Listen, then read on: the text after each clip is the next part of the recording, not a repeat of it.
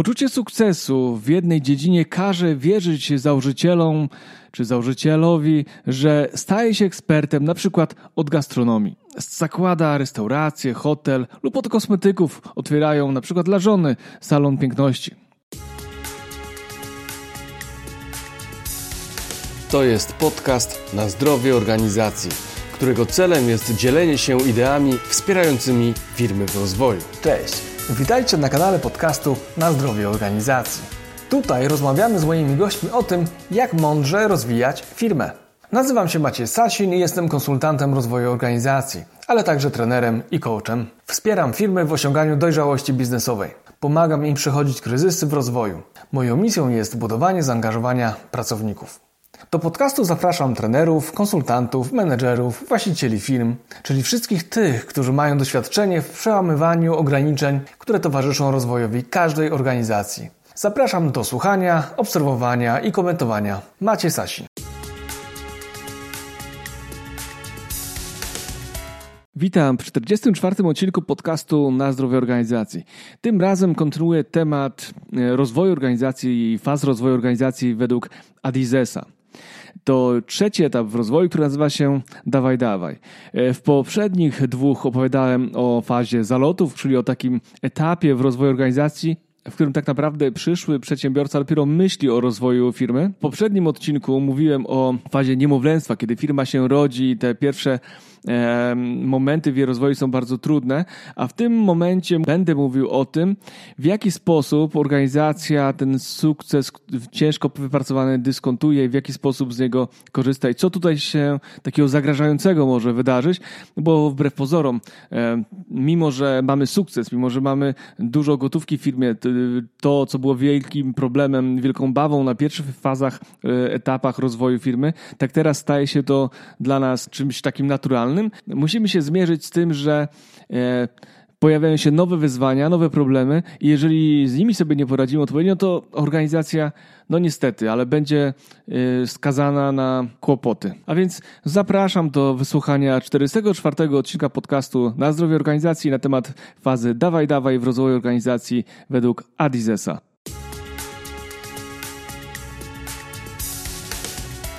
Etap dawaj dawaj w rozwoju organizacji według Adizesa dotyczy fazy początkowych sukcesów przedsiębiorstwa, które mogą zwiększyć pewność siebie, ale jednocześnie uśpić czujność i wprowadzić w błąd właściciela nowej firmy. No już nie takiej nowej. Dlaczego? Dzisiejsze efekty to owoc pracy sprzed lat czy miesięcy. Jutrzejsze efekty to owoc pracy i decyzji podjętych dzisiaj. W międzyczasie zmieniło się środowisko biznesowe, a strategia firmy, jeśli taka jest, cóż, skoro sprawdziła się raz, to sprawdzi się drugi raz. Ale czy na pewno? Dawaj, dawaj, czyli szalone lata prosperity, jak nazywa Adizes ten czas. Po ciężkiej pracy przychodzi upragniony sukces, poczucie spełnienia, a jednocześnie wzrost pewności siebie. Niesiony sukcesem właściciel firmy i jej pracownicy na tym etapie stają się często arogancy, ale w szczególności właściciel.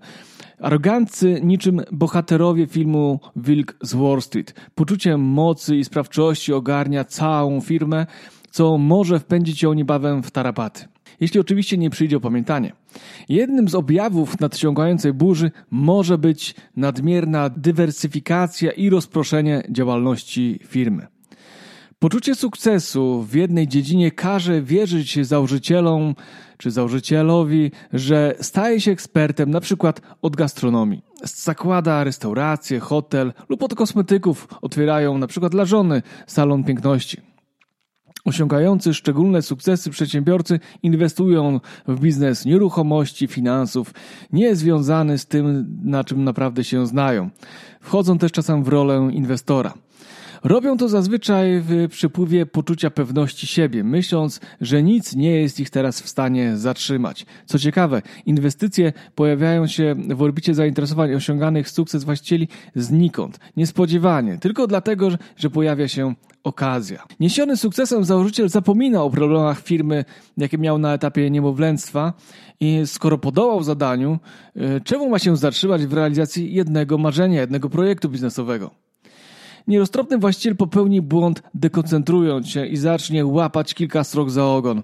Podejmie ryzyko inwestycyjne e, na gruncie, na którym się po prostu nie, nie zna. Jak na swojej pierwszej e, firmie, w której często zaczynał jeszcze jako specjalista. Nagle okazuje się, że ma zbyt wiele priorytetów, co zwiastuje problemy w jego pierwotnej organizacji.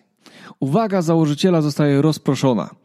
Nie jest w stanie skoncentrować się wystarczająco na początkujących biznesach i jego odnogach. Na tym etapie dyskusji o tym, co warto robić, a czego nie robić, właściwie jeszcze nie ma. W biznesie, szczególnie tym MŚP, warto się jednak koncentrować na głównej osi swej działalności lub opierać na doświadczeniu innych menedżerów, czyli po prostu zatrudnić odpowiednich e, ludzi z zewnątrz, którzy będą mogli e, zbudować ewentualnie tą nową odnogę, nową, nową firmę. Szczególnie warto tu stawać na takich, co lubią budować, a nie takich, co lubią zarządzać, a którzy nie chcą otwierać swojej firmy. Mogą to być interim menedżerowie, którzy są świetni w porządkowaniu biznesu i jego tworzeniu. Niestety, często właściciel na tym etapie, no dawaj, dawaj, ma tendencję do zakrzywiania rzeczywistości niczym Steve Jobs i wierzy, że najlepiej sam sobie ze wszystkim poradzi y, w tej nowej sytuacji, więc śmiało pcha się w nowe sytuacje, w nowe biznesy, angażując swój czas, który, no niestety, rozproszony, nie przynosi spodziewanych efektów, a co więcej, w tej dobrze już zazwyczaj e, zbudowanej firmie, dobrze funkcjonującej, gdzie pojawia się sprzedaż, efektywność, no niestety pojawiają się problemy. Jeśli na etapie niemowlęctwa ważny był produkt, to na etapie dawaj, dawaj liczy się sprzedaż. E, więcej zaczyna oznaczać lepiej. Pojawiające się okazje sprzedażowe trzeba przecież wykorzystywać na czym może ucierpieć jakość produktu, przykład jego nieterminowość, niedoróbki, problem z serwisem, składanie nadmiernych obietnic, już o tym mówiłem w poprzednim odcinku. Większa sprzedaż wcale nie przyczynia się do zwiększania zysków, ponieważ duża część z nich zostaje pochłonięta przez marże, rabaty, promocje, a czasem pokrywanie kosztów związanych ze słabą jakością, a czasem utrzymaniem stanów magazynowych. Określenie kosztów produkcji na tym etapie jest prawie niemożliwe, więc zyski spadają, ale właściciel o tym jeszcze nie wie. Koncentracja na sprzedaży nie oznacza jednak przemyślanego konceptu strategiczno-marketingowego. Jest tu jedna miara. Więcej znaczy lepiej. Brakuje odpowiednio ukierunkowanej strategii marketingowo-sprzedażowej, niestety uporządkowanych metod sprzedażowych. Każdy handlowiec może sprzedawać jak chce, co chce i ile chce. Jednak na tym etapie niezbędne jest określenie, co robimy, a czego nie robimy. Zadanie tego typu pytania nie jest na tym etapie jednak pożądane przez założycieli. Zazwyczaj wrócą oni do niego dopiero później. Na tym etapie muszą się jednak sparzyć, aby wrócić do budowania nowych fundamentów w firmie. E, co stanie się na etapie dojrzewania, o którym będę mówił w następnym odcinku. Jednak im szybciej zdamy sobie sprawę, że siłą wczesnego rozpędu i zaangażowania nie da się już rozwijać tak dynamicznie organizacji, tym lepiej. Na tym etapie firma może stać się także więźniem swoich wcześniejszych założeń, e, które powstały na etapie zalotów lub w trakcie e, niemowlęctwa. Firmie trudno zrobić zwrot w innym kierunku, ponieważ zaangażowała już tyle siły i energii, że z trudem przychodzą jej zmiany na poziomie strategicznym. Poza tym, skoro udało się, no to się udało, no przecież jesteśmy dobrzy. Dlatego już na tym etapie warto pomyśleć o budowaniu choćby zrębów strategii firmy i przygotować się do etapu dojrzałości. Im szybciej firma się zorientuje, na jakim jest etapie i poszuka pomocy, czasem zewnętrznej, aby ktoś świeżym okiem przyjrzał się organizacji, wskazał jej słabe i mocne strony oraz pomógł jej zapanować nad chaosem, tym lepiej. My w ARK nazywamy ten kontakt z konsultantem przeglądem firmy, który pomaga na sprawdzeniu wszystkich ważnych aspektów funkcjonowania firmy i wskazaniu pilnych obszarów do rozwoju. Często na tym etapie jednak nie ma gotowości na tego typu działania, ponieważ przekonanie o niemolności założyciela jest tak duże. Jaki jest zatem styl zarządzania w firmie na etapie dawaj dawaj? Niestety, właściciele stają się tutaj bardzo często aroganccy. Ta arogancja wynika właśnie z odniesionego sukcesu. Skoro dzięki swoim decyzjom osiągnęli sukces, tym bardziej teraz nie będą nikogo słuchać, kiedy ich status materialny się zmienił diametralnie. Im lepsze zdanie ma o sobie właściciel, tym bardziej staje się arogancji i także wobec swoich pracowników, krytykując i podważając ich zdanie na każdym kroku. Dlatego większość pracowników milczy, nie wdając się w z góry przegraną walkę o swoje zdanie, tym bardziej, że na tym etapie większość z nich jest bardzo dobrze opłacana. Liderzy otaczają się osobami, które im przytakują, a defetystów się pozbywają. Brzmi groźnie. W ten sposób tracą kontakt z rzeczywistością, wierząc w swoją potężną moc. Nikt nie odwiedzie ich od złych pomysłów, a ludzie w kuchni zastanawiają się, jak obejść podjęte właśnie decyzje, którym się nie sprzeciwili. Sytuacja przypomina młodego Steve'ego Jobsa, który po sukcesie Apple II doprowadził do kłopotów e, swoją firmę, niestety sprowadzając ją na skraj bankructwa. Wtedy też chyba musiał z tej firmy odejść, jak pamiętam. Zmusili do tego inwestorzy. Na etapie dawaj, dawaj liderzy oczekują natychmiastowego rozwiązania problemu, którego rozwiązanie zazwyczaj nie potrwa godzinę, jak często sami zakładają, ale kilka lub kilkanaście godzin. Zaczynają popadać w paranoję, posądzając pracowników o lenistwo, brak kompetencji i zaangażowania. Sami zaś mają trudność z opisaniem swoich oczekiwań. To jest frustrujące dla obu stron, a często wynika z tego, że właściciel już odsunął się na tyle od operacji, aby zapomnieć, co ile czasu trwa. Zazwyczaj też pracownicy mają więcej obowiązków niż się wydaje z odległej właścicielskiej perspektywy, a do tego firma jest rozpędzona już i zajmuje się większą ilością spraw. Energię pochłaniają kryzysy, wydłużające się podejmowane decyzje oraz wykonywanie niestandaryzowanej pracy. Pracownicy muszą też spełniać obietnice złożone wcześniej, czasem przez samego założyciela, które mogą nie być e, w ogóle e, dochodowe, no i oczywiście zabierają e, czas i zasoby organizacji. Przekonany o swojej nieomylności lider zaczyna zachowywać się jak dziecko, które sprawdza, na ile może sobie pozwolić w przekraczaniu przyjętych zasad. Niczym wspomniany już Steve Jobs zaczynają wierzyć, że mogą zakrzywiać rzeczywistość, umieszczając w swoich planach oczekiwanie na cud, który pozwoli zrealizować ambitne założenia. Nie przykładają wagi do szczegółów, a te przyczyniają się do ponoszenia porażek. Wiara w swoją nieomylność zaczyna się powoli załamywać. Splot złych decyzji, nieodpowiedzialnych planów, niejasna wizja przyszłości zwiastują nadchodzącą katastrofę, za którą nikt nie będzie chciał wziąć odpowiedzialności. W organizacji może powstać piekło wzajemnych oskarżeń, zarzutów. Lider czuje się zdradzony, a sam zaczyna nastawiać ludzi przeciwko sobie, podważając ich kompetencje, czy też krytykując ich otwarcie na forum. Niestety liderzy na etapie dawaj, dawaj nie dbają o fundamenty firmy, czyli planowanie, budżet, procesy, strukturę, zakresy odpowiedzialności, systemy zarządzania, a tym właśnie powinni się już y, zająć.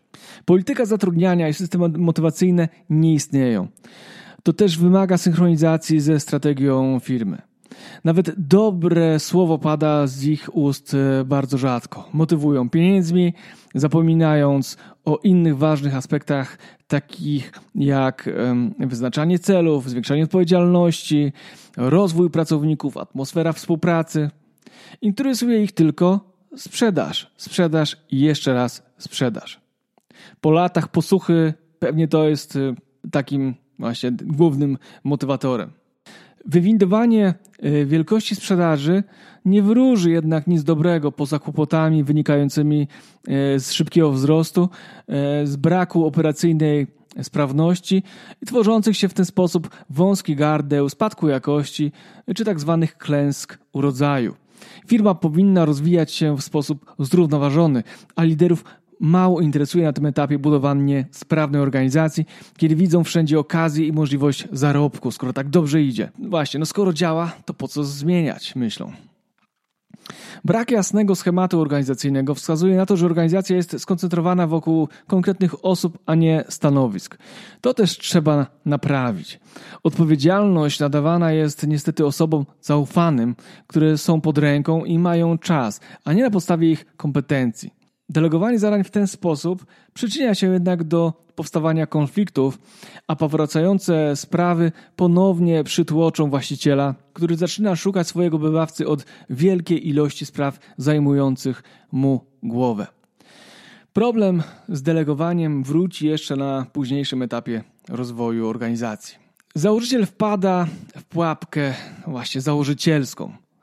To stan organizacji, w której lider ponosi klęskę w trakcie tworzenia niezbędnych systemów administracyjnych. Reakcją na mnożące się konflikty staje się wzmożenie kontroli. Wprowadzane zostają zasady, procedury, które niestety pierwsze złamie sam właściciel. Tworzone są pozorne zakresy odpowiedzialności, a i tak ostatnie zdanie ma właściciel. Podejmowane decyzje przez pracowników są podważane i cofane jako niezgodne z wartościami lidera, więc nawet ci, którzy zostali mianowani na liderów, po jakimś czasie tracą autorytet. Ponieważ i tak ostatnie słowo ma szef. Lider obawia się, że zaczyna tracić kontrolę nad swoim dzieckiem, więc no właśnie, zaczyna wracać z powrotem do centralizacji organizacji, czyli z powrotem odbiera odpowiedzialność. Ponownie przytłoczone obowiązkami, jak na wcześniejszym etapie, wracają do delegowania. I właśnie, tutaj jest taka swego rodzaju huśtawka nastroju w organizacji, taki efekt jojo, który e, każe dawać i odbierać, dawać i odbierać. Menedżerowie w takich organizacjach są nieskuteczni i mają małe poczucie wpływu. Trzeba tutaj ustabilizować sytuację poprzez wprowadzenie i konsekwentne pielęgnowanie zmian. No i oczywiście naprawdę oddać władzę i podzielić się nią ze współpracownikami, z menedżerami. Na tym etapie pojawia się też syndrom mewy. To piękna metafora, której Adizes używa do właścicieli, czy na zachowanie właścicieli, którzy mają negatywny wpływ na swoją firmę. Analogia pochodzi tutaj z żeglarstwa, a dotyczy żeglarzy, którzy nie lubią nadlatującego ptactwa, które niechybnie zabrudzi pokład, który niedawno tak pieczołowicie czyścili. Tak właśnie często postępują właściciele, którzy odsuwają się na jakiś czas od organizacji, zaczynają udzielać się w polityce lokalnej, jakimś innym biznesie, zaczynają podróżować, a kiedy wracają do organizacji, ich wpływ bywa destrukcyjny, czyli zaczynają burzyć porządek, który stworzyli sobie pracownicy. W tym momencie rozwoju organizacji właściciel nie chce zajmować się pracą operacyjną, chcąc realizować wyższe cele. Tęskni jednak za ekscytującym etapem niemowlęctwa. Szuka nowych wyzwań. Delegując zadania ma nadzieję, że pracownicy przejmą odpowiedzialność i pociągną rozwój firmy dalej. Kiedy wracają do niej, tak jak wspomniane wcześniej mewy, zaczynają zabrudzać teren i podważać kierunek rozwoju, podjęte decyzje pod ich nieobecność. Pracownicy mają wrażenie, że cokolwiek zrobią, robią źle. Poczucie frustracji dominuje. W tej sytuacji zawsze znajdzie się jakiś kozioł ofiarny, na którego będzie można zrzucić odpowiedzialność. Jak przetrwać okres dawaj, dawaj? To moment, w którym firma staje się, tak jak mówiłem wcześniej, arogancka i trochę jak nastolatek kapryśna i nieznośna. Huśtawka nastrojów, kryzysy, brak odpowiedzialności, konflikty są naturalną częścią życia w takiej organizacji i wynikającą z postawy samego właściciela e, jego dylematu e, zarządczego. Delegować czy kontrolować. Im wcześniej zaczniemy diagnozować sytuację, tym wcześniej będzie można przejść do porządkujących działań, unikając wielu problemów organizacyjnych i rozpadu więzi w organizacji. Na tym etapie właściciel musi spojrzeć w lustro i uświadomić sobie, że to on jest częścią problemu, to on jest tym wąskim gardłem, a na tym etapie jednak myśli o szkoleniach głównie dla innych i rozwoju pracowników, bo w innych widzi zagrożenia. Tak naprawdę powinien zacząć myśleć, myśleć o sobie, o tym, żeby zmienić swoje podejście do zarządzania, wybrać się być może na jakieś studia podyplomowe, zrobić MBA, albo zaprosić do współpracy konsultantów z zewnątrz, którzy pomogą mu poukładać e, firmę, a którzy będą mieli zdrowy dystans do tego, co dzieje się aktualnie w organizacji. Jak widać, osiągnięty przez organizację sukces finansowy wcale może nie pomagać, ponieważ tylko zwiększa problemy właścicieli na późniejszym etapie. Szaleństwo na punkcie wielkości sprzedaży, która jest niekontrolowana, przyczynia się do kryzysu, tak jak mówiłem wcześniej, złej jakości, a nawet pozwów sądowych, spadku sprzedaży i po prostu odwracania się klientów od firmy. Ten czas, który na pewno nadejdzie, y, nie jest jeszcze na tym etapie dostrzegany. Światło w tunelu to światło nadjeżdżającego pociągu. Właściciel zaślepiony swoim wcześniejszym sukcesem tego jednak nie dostrzega. Na tym etapie działalności powinna zostać stworzona funkcja administracyjna i kontrolna. Dział jakości, standardy pracy, na przykład w dziale sprzedaży, cykliczne spotkania wewnętrzne. Do uporządkowania procesów y, na tym etapie rozwoju najczęściej potrzeba jest kogoś y, z zewnątrz organizacji. Ktoś, kto będzie miał dystans, ktoś, kto będzie miał doświadczenie w wielu różnych organizacjach i będzie rozumiał te wszystkie trudności, z którymi mierzy się aktualnie firma. Oczywiście można pójść drogą, że do wszystkiego dochodzimy samodzielnie, nie szukamy inspiracji i pomocy z zewnątrz, albo posiłkujemy się wiedzą pracowników, którzy są w organizacji i już tą wiedzę posiadają z innych firm. Jednakże zazwyczaj, kiedy firma powstawała od podstaw, tych zasobów nie ma i tych wzorców również nie ma, więc lepiej posiłkować się kimś z zewnątrz, kimś, kto po prostu już wielokrotnie przeszedł tą drogę i nie będzie i nie pozwoli organizacji popełniać tych błędów, które inne popełniały wielokrotnie.